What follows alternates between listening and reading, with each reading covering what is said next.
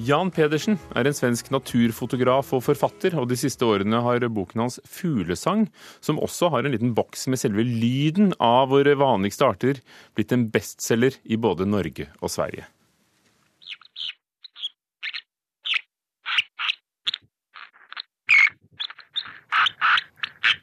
Dette er altså Norges nasjonalfugl. Fossekallen, kåret av Nitimens lyttere i 1963 her i NRK. Jan Pedersen, du er eh, forfatteren bak boken 'Fuglesang'.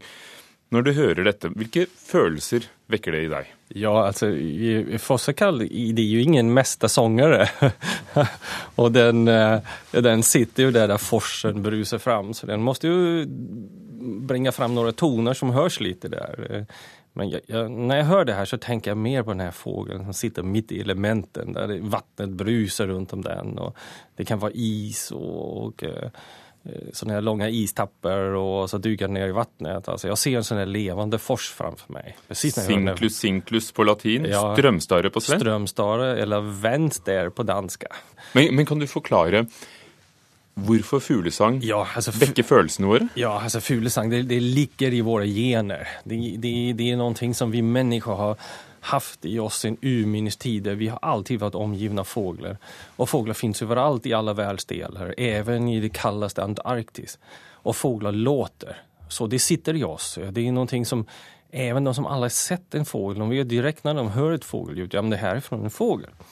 Och, och när då svarttrosten sjunger eh, precis de första tonerna någon gång i april, kanske även i mars ibland, då får vi direkt känslan av att det är vår. Och då tar vi av oss jackan. Och eh, när den första lövsangen kommer, det är examenstid och träden börjar springa ut, men då får vi, vi får väldigt mycket vårkänslor. Och andra fåglar väcker ju ödemarkskänslor, andra fåglar väcker ju känslor om kanske död och annat som ravn eller... Det, det, är, det är många myter knutna till fåglar också. Har du en psykologisk forklaring på dette også? Ja, alltså vi, vi människor vi går igång på musik. Eh, Jag läste just nu för några dagar sedan en, en, en, en rapport om att musik framkallar en rus i oss. Vi kan nästan bli beroende av det. Och fågelsång är ju en form av musik. Alltså. Det, det, det, det är musik och, och vissa fåglar har ju väldigt intrikata eh, sångmönster och, och långa fraser också. Vi får nye dyrkningsmetoder i landbruket, insekter forsvinner. Ehm, det mangfoldet du eh, beskriver i din bok 'Fuglesang', hvor det da er altså oppslag på nesten alle fugler. Hvor mange fugler er Ja, det? det är 150 fugler i, i, i den här boken som finns i Norge. Men det finns ju flera arter. Men några fåglar, eller de låter ju inte så mycket. Men, men som du säger, några har ju verkligen försvunnit som, som eh, lådesvalan. Den, den har ju blivit eh, mer och mer sällsynt. Och, och även i gråsparven håller på att försvinna. Eh, man kan tycka, om jag ser ju alltid en sparv, men det är ju en annan sparv som man ser.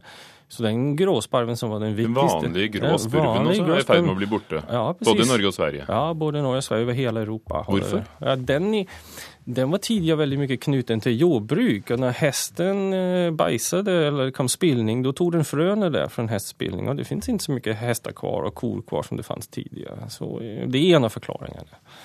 Nå er det vel neppe sånn at våre lyttere setter i gang med hestedrift fordi de hører dette, men tror du likevel at en bok som din er med på å skape bevissthet rundt nettopp det mangfoldet vi har, eh, og som vi er i ferd med å miste?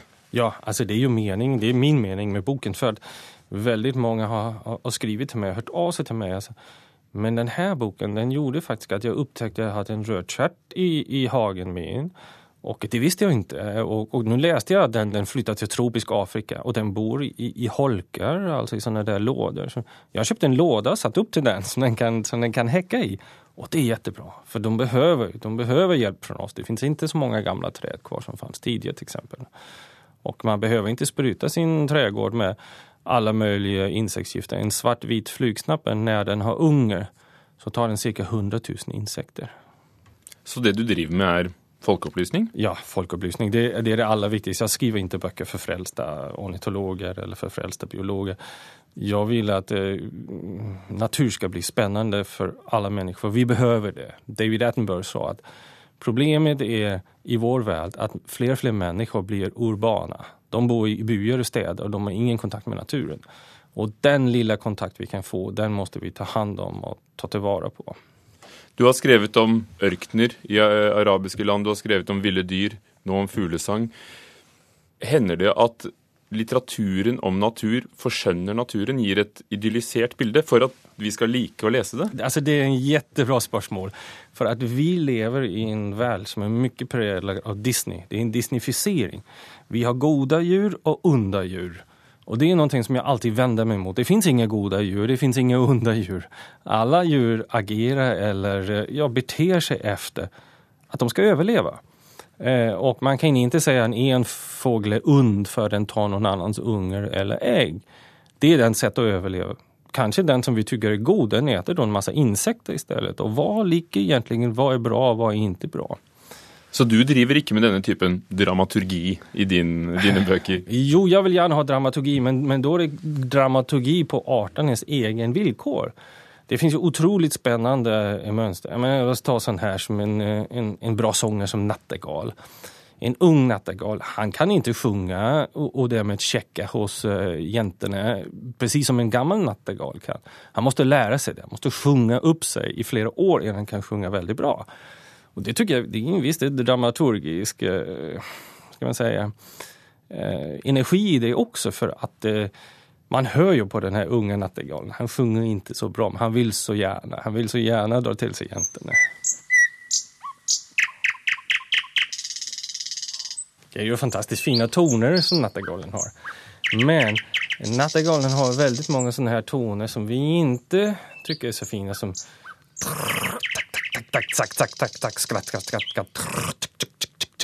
och så kommer de här höga tonerna.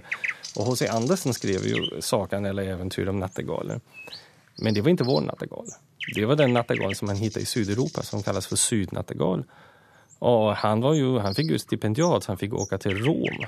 Och där gick han ju runt i Roms södra förorter via Appia och så vidare. Så hörde den här fantastiska nattegalen. Som han visste inte vad nattegal så han frågade vad är det här för fågel? Ah, Lucignolo, alltså nattegalen. Så gick han hem och skrev eh, äventyr eller sagan om nattegalen. Men det var inte vår nattegal, för den sydnattegalen den har just inte det här alla de där fula läten. Som eh, fotograf og forfatter, kan du forklare hva det er du tror du har truffet, hvilken nerve du har truffet med, med denne og, og, de andre bøkene dine, som gjør at uh, veldig mange gjerne vil lese noe annet enn romaner? Uh, I Norge har det vært en stor bestselger som handler om ved. Uh, og så har vi nå din om fugler. Det, det, det är någon form av tillbaka till naturen-längtan. Vi alla kanske drömmer om en hage med, med, med örtväxter, tomater och äppelträd. Det ligger i oss någonstans i det. Och, och fuler är precis detsamma. Det är tillbaka till naturen. Mm. Tack ska du ha, Jan Pedersen, som också har skrivit Fuglesang.